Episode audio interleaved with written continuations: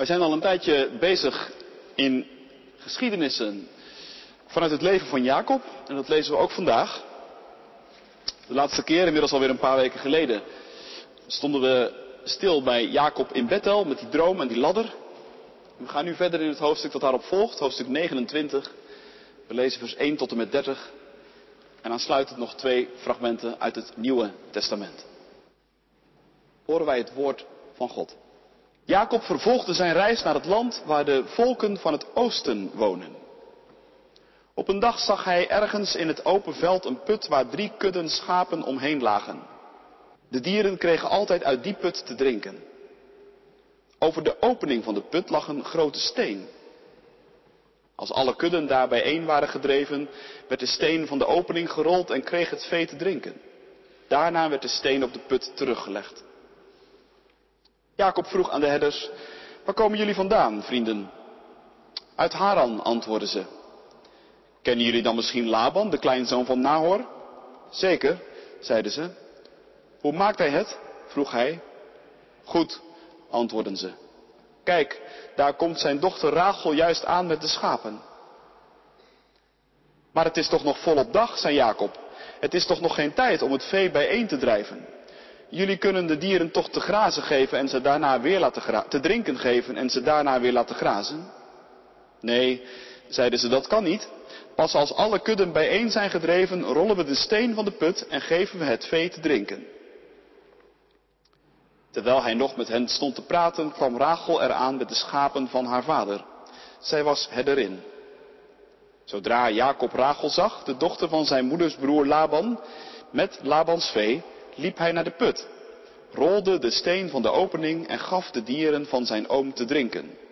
Daarna kuste hij Rachel terwijl hij zijn tranen de vrije loop liet. Zodra hij Rachel had verteld dat hij familie van haar vader was, een zoon van Rebecca, rende ze naar haar vader toe en vertelde het hem. Nauwelijks had Laban het nieuws over Jacob, de zoon van zijn zuster, gehoord, of hij snelde hem tegemoet, omhelsde hem, kuste hem hartelijk en nam hem mee naar zijn huis. Daar vertelde Jacob zijn hele geschiedenis aan Laban. Het is duidelijk, zei Laban, dat je familie van me bent. En Jacob was een volle maand bij Laban in huis. En toen zei deze tegen hem, het is toch niet nodig dat je voor niets voor mij werkt, alleen omdat je familie van me bent? Zeg maar wat je loon moet zijn. Nu had Laban twee dochters. De oudste heette Lea, de jongste Rachel. Lea's ogen hadden geen glans, Rachel was mooi en aantrekkelijk. Jacob was verliefd op Rachel en daarom zei hij tegen Laban, ik zal zeven jaar voor u werken om Rachel, uw jongste dochter. Laban antwoordde, ik kan haar beter aan jou geven dan aan een ander, je kunt dus blijven. Zo werkte Jacob zeven jaar om Rachel, maar voor zijn gevoel waren het maar een paar dagen, zoveel hield hij van haar. Toen zei Jacob tegen Laban, de termijn is om, geef me nu mijn vrouw, ik wil met haar slapen. Laban nodigde alle inwoners van de stad uit en gaf een feest. En toen de avond was gevallen, bracht hij zijn dochter Lea bij Jacob. En Jacob sliep met haar. Ook gaf Laban haar een van zijn slavinnen mee, Zilpa. S'morgens ontdekte Jacob dat het Lea was met wie hij had geslapen. Hoe heb je mij dit kunnen aandoen? wierp hij Laban voor. Ik heb toch om Rachel bij u gewerkt? Waarom hebt u me zo bedrogen? Laban antwoordde, het is hier niet de gewoonte om de jongste voor de oudste uit te huwelijken. Wacht daarom tot de bruiloftsweek met de een voorbij is, dan krijg je ook de ander, op voorwaarde dat je nog eens zeven jaar voor me werkt. Jacob stemde toe en wachtte tot de week om was, en daarna gaf Laban hem zijn dochter Rachel tot vrouw. Ook gaf Laban haar een van zijn slavinnen mee, Bilha.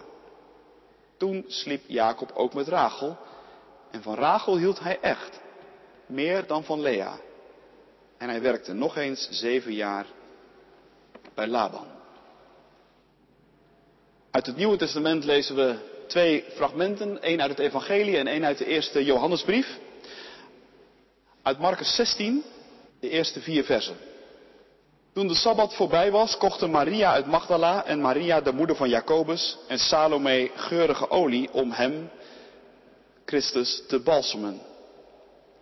Op de eerste dag van de week gingen ze heel vroeg in de ochtend, vlak na zonsopgang, naar het graf.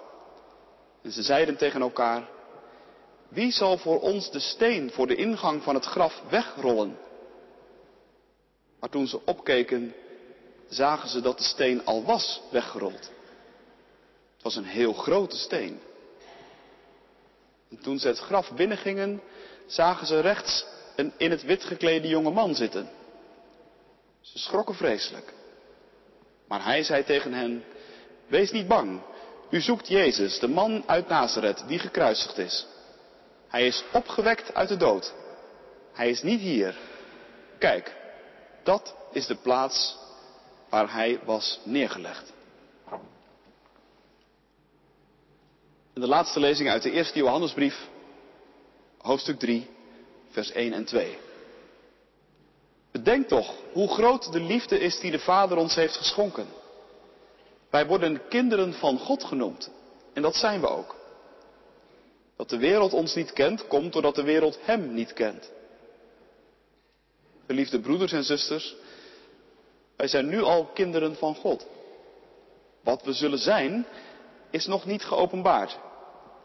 Maar we weten dat we aan Hem gelijk zullen zijn, wanneer Hij zal verschijnen. Want dan zien we Hem zoals Hij is. Tot zover ook de laatste lezing. Dit is gemeente vanmorgen het woord van God voor jou, voor u, voor mij. Gelukkig zijn we als we het woord van God horen, daar ons vertrouwen op stellen. Halleluja. Amen. Gemeente van Christus. Als kind had ik vaak kiespijn. Maar dat vertelde ik dan niet tegen mijn moeder. Tenminste, niet voordat het heel erg werd. Ik wist namelijk dat zij mij niet alleen een aspirintje zou geven, maar me ook zou meenemen naar de tandarts. En ik wist inmiddels precies hoe tandartsen zijn. Ze beginnen altijd te rommelen aan tanden en kiezen die nog geen pijn doen. Ze maken slapende honden wakker. Als je ze één vinger geeft, dan nemen ze je hele hand. Nee, dit gaat niet over mijzelf. Dit is een citaat van C.S. Lewis in zijn klassieker Onversneden Christendom. Een situatie om bij in de lach te schieten natuurlijk. Je ziet het voor je. En wie herkent het niet? Je loopt met een lichamelijk ongemak. Of je draagt een wat grotere kwestie op je hart. Maar je durft er eigenlijk niet mee voor de dag te komen. Bang als je bent voor de gevolgen die je eigenlijk al weet. Die kies, die moet er namelijk gewoon uit. En die slechte gewoonte die je zo parten speelt, daar moet je gewoon mee breken. Er is meer nodig dan zoethoudertjes. Meer nodig dan middelen waarvan je weet dat ze uiteindelijk niet echt helpen. Of andere cosmetische ingrepen.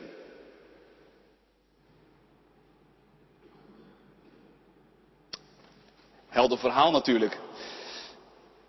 Maar als je verder leest, dan krijgt Louis betoog ineens een verrassende wending. Want, schrijft hij vervolgens, als ik het zo zeggen mag, dan lijkt Christus voor mij op zo'n tandarts. Als je hem een vinger geeft, dan neemt hij je hele hand. Veel mensen gaan naar hem toe om af te komen van één bepaalde zonde waar ze voor zich voor schamen. En hij zal je daar vast en zeker van afhelpen, maar hij zal het er niet bij laten. Haal je hem er eenmaal bij, dan krijg je het complete programma.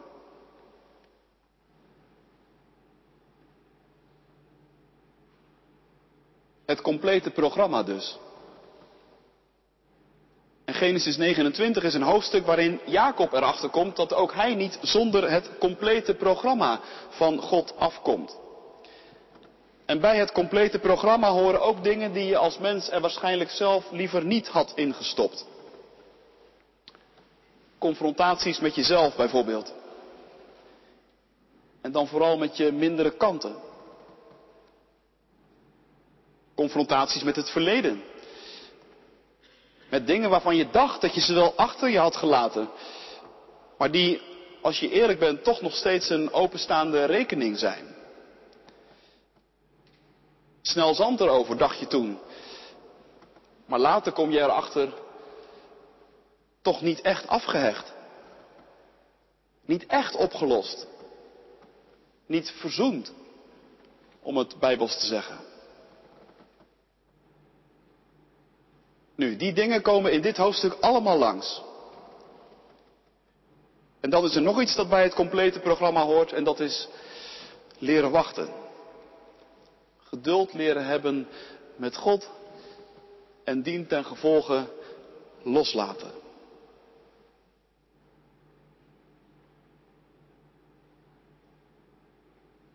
Maar goed, vooralsnog als je begint te lezen in Genesis 29 lijkt het daar nog allemaal niet op. Het hoofdstuk begint juist heel zonnig. Jacob heeft net die droom in Bethel achter de rug en dat was voor hem een geweldige opsteker natuurlijk. Want ik weet niet in hoeverre je op de hoogte bent van het voorafgaande, maar even heel kort. Het was niet zo chic gegaan in zijn ouderlijk huis. En zijn positie daar was door list en bedrog onhoudbaar geworden. En, en hals over kop had Jacob het veld moeten ruimen. En toen volgde daar midden in de woestijn een bijzondere droom. Een opvallende droom ook, want een droom vol met beloftes van zegen. De Heer was hier, concludeerde Jacob dan ook tot zijn eigen verrassing. En goed gemutst ging hij vervolgens zijn weg. Waarheen? Nou, naar zijn familie, ver van huis, in Haran. Daar had zijn moeder hem naartoe gestuurd. Maar hoe bereik je die familie in een tijd zonder communicatiemiddelen en zonder wegwijzers? Nou, een beetje op goed geluk dus. Jacob begeeft zich, staat er in vers 1, naar het land van de mensen van het oosten. Vager uitgedrukt kun je het nauwelijks krijgen. Het geeft hooguit grofweg iets van een richting aan, maar dan houdt het ook op. Dat kan dus nog een hele zoektocht worden. Maar meteen daarna stuit Jacob op een aantal kudde schapen rondom een bron. En opnieuw blijkt het geluk met hem te zijn.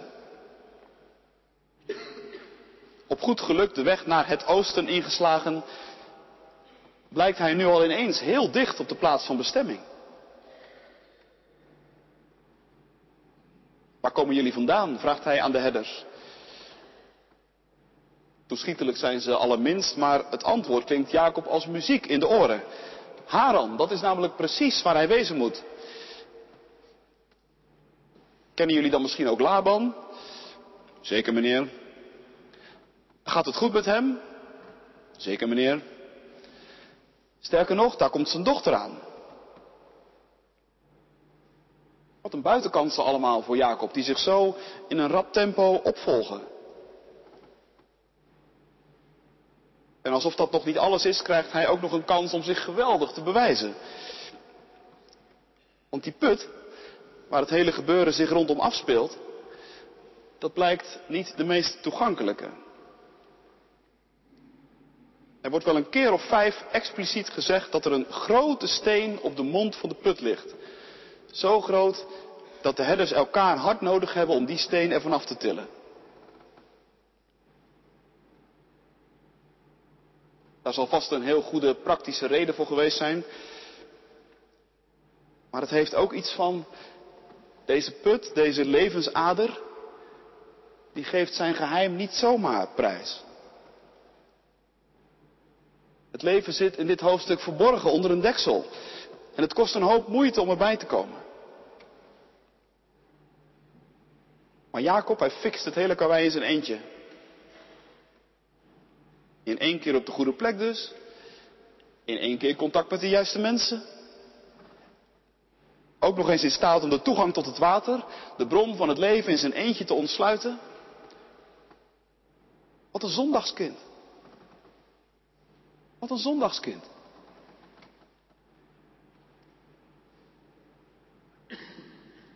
Misschien ken je die ook wel. Zulke zondagskinderen. Of je denkt al luisterend, het gaat ook eigenlijk wel een beetje over mij. Ik voel me eerlijk gezegd ook best vaak een zondagskind. Het gaat me gewoon voor de wind. Geluk hebben overkomt me best vaak. Kom ook nog alles met de schrik vrij, om het even zo te zeggen. De juiste mensen in mijn netwerk, die ontmoet ik geregeld. Veel dingen die ik beetpak, klussen waar ik aan begin, die rond ik af met succes. Is misschien net te veel gezegd dat alles onder mijn handen in goud verandert, maar af en toe lijkt het er toch wel op. Een bedrijf loopt voor de wind.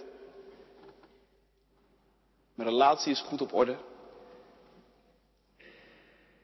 Is dat dan zegen?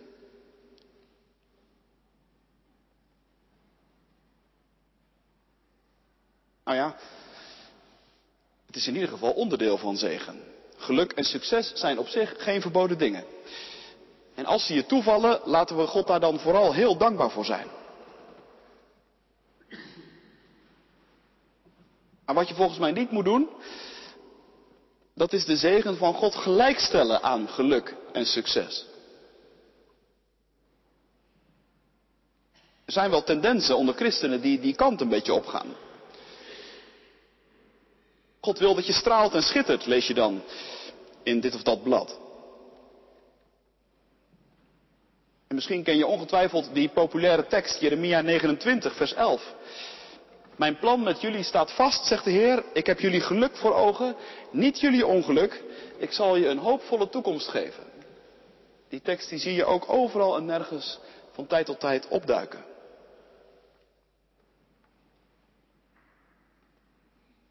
Ja, daar kan natuurlijk niemand op tegen zijn. En notabene, het staat dus ook nog in de Bijbel. Maar let wel, voor je het weet functioneert zo'n bijbeltekst een beetje als de paracetamol bij de kiespijn van Lewis. Het dempt de pijn een beetje. Je kunt weer vooruit met een steuntje in je rug, maar is de kwaal er ook mee weg? Dat is wel de vraag. Word je van een heleboel succes en zegen nou ook echt een ander mens? Word je daar die nieuwe mens van die God op het oog heeft?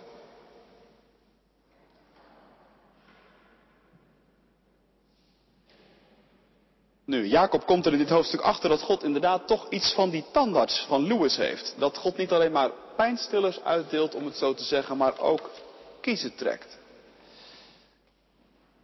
En ook rammelt aan tanden en kiezen die nog geen pijn lijken te doen.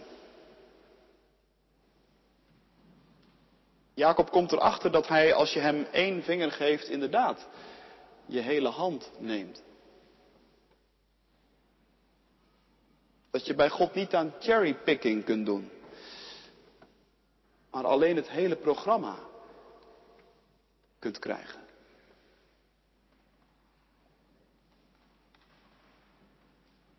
bij dat hele programma hoort in het geval van Jacob toch ook een duidelijke confrontatie met zijn verleden. Er liggen gewoon een aantal thema's in Jacobs leven waar hij nog niet mee klaar is. Of anders gezegd, waar God nog niet mee klaar is.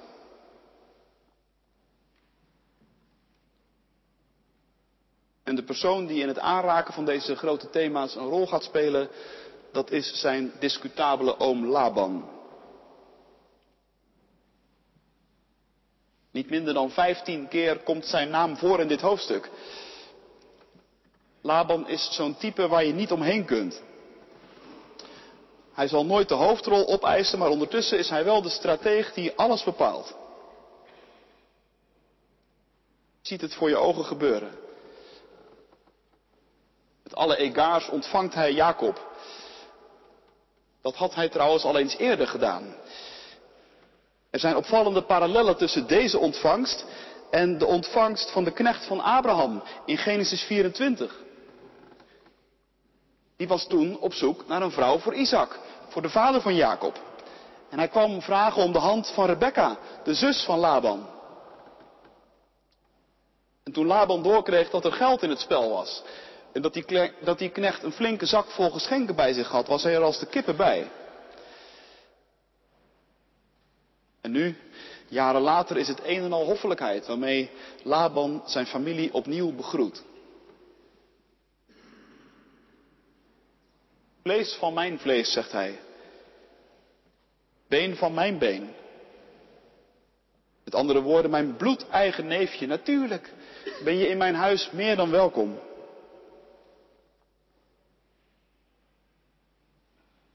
Maar Jacob weet nog niet hoe dubbelzinnig die woorden eigenlijk zijn. En dat hij niet alleen tegenover iemand staat met wie hij inderdaad een bloedband heeft, vlees van mijn vlees en been van mijn been, maar dat hij ook tegenover een gewiekste bedrieger staat. En dat er ook in die zin een band is tussen die twee. En het duurt niet lang of Jacob gaat daar de gevolgen van merken. Na een maand stelt Laban voor dat Jacob bij hem in dienst komt. Zeer ongebruikelijk dat een Oosterling familie in dienst neemt. Maar zo levert een neef die plat zak over de vloer komt tenminste nog wat op, zal Laban gedacht hebben. En Jacob, tot over zijn oren verliefd op Rachel, ziet zijn kans. Ik wil werken voor een bruidschat, zegt hij. En opnieuw is oom Laban de hoffelijkheid zelf. Geef haar liever aan jou dan aan een vreemde, zegt hij. Maar let op, daar is feitelijk nog niks mee gezegd. En als je het verhaal kent, dan weet je dat Laban zijn woorden met zorg kiest. Want zo heeft hij immers de ruimte om straks over zeven jaar eerst toch Lea naar voren te schuiven. Om vervolgens Jacob nog een keer zeven jaar aan zich te binden.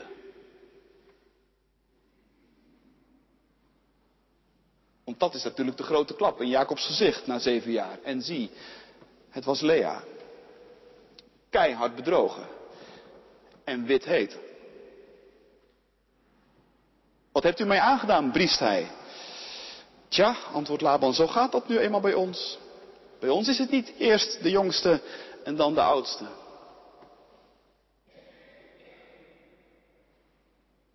Dat is natuurlijk wel een heel pijnlijk moment. Jacob krijgt hier een geweldig koekje van eigen deeg. En hij en zijn oom, ze zijn inderdaad precies van hetzelfde vlees en bloed. Het zijn allebei gewiekste onderhandelaars. En als het moet, keiharde bedriegers. Jacob krijgt het bedrog van zijn vader terug. En zijn oom herinnert hem er nog eens even heel fijntjes aan. Dat ze hier in Haran toch echt hun eigen mores hebben. De jongste die voor de oudste uitgaat. Ik dacht het niet.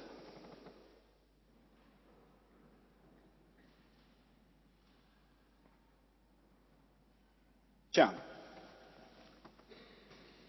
hoe moet je dit hele gebeuren nou zien en duiden? Is het een soort revanche? Een typisch geval van boontje komt om zijn loontje? Dat is toch te simpel, denk ik. Toch te dun. En toch te menselijk.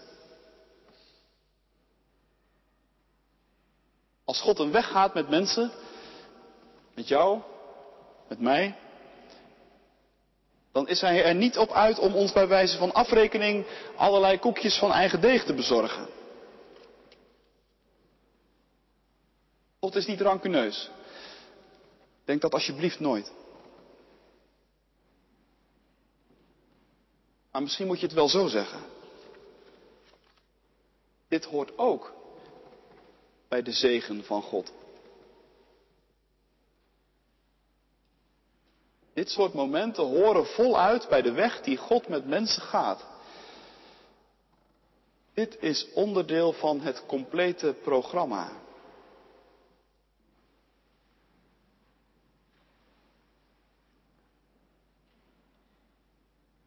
Wij zijn kinderen van God, hoorden we de apostel Johannes schrijven. Maar we weten nog niet wat we zijn zullen. Met andere woorden, we hebben nog geen idee waar God met ons precies naartoe wil.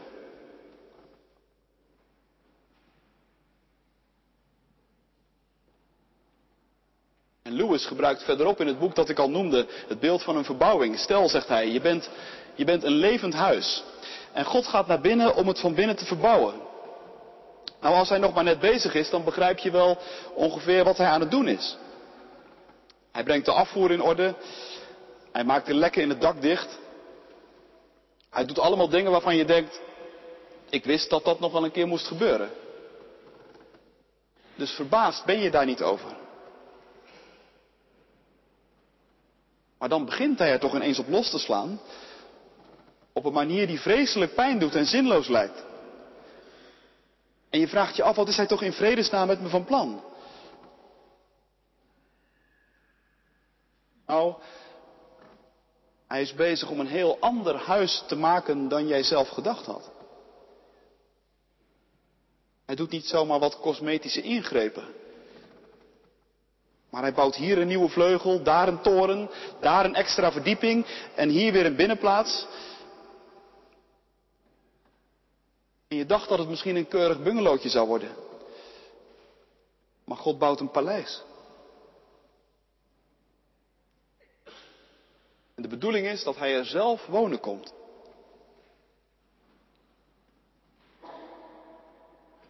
Als we hem laten begaan,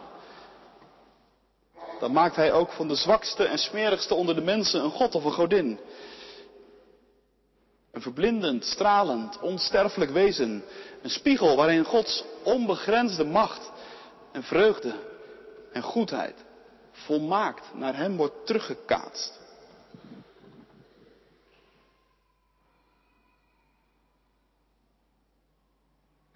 Laat dat je troosten vanmorgen. Confrontaties met wonden en openstaande rekeningen uit je verleden. Confrontaties met kanten van jezelf waarvan je denkt, zat ik maar gewoon een beetje anders in elkaar.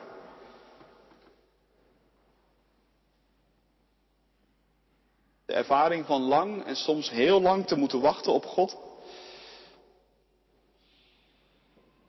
Hoe onnodig en omslachtig het ook allemaal voorkomt. Laat het je niet ontmoedigen. En ga er ook niet voor uit de weg. Maar bedenk dit. God is met mij bezig. En wij weten nog niet wat wij zijn zullen.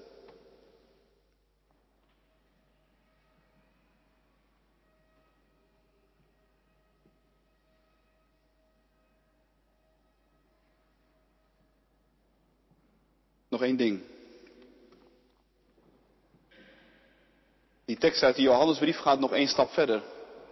Wij weten, zegt Johannes, nog niet wat wij zijn zullen, maar we weten wel dat we aan Hem gelijk zullen zijn wanneer Hij zal verschijnen.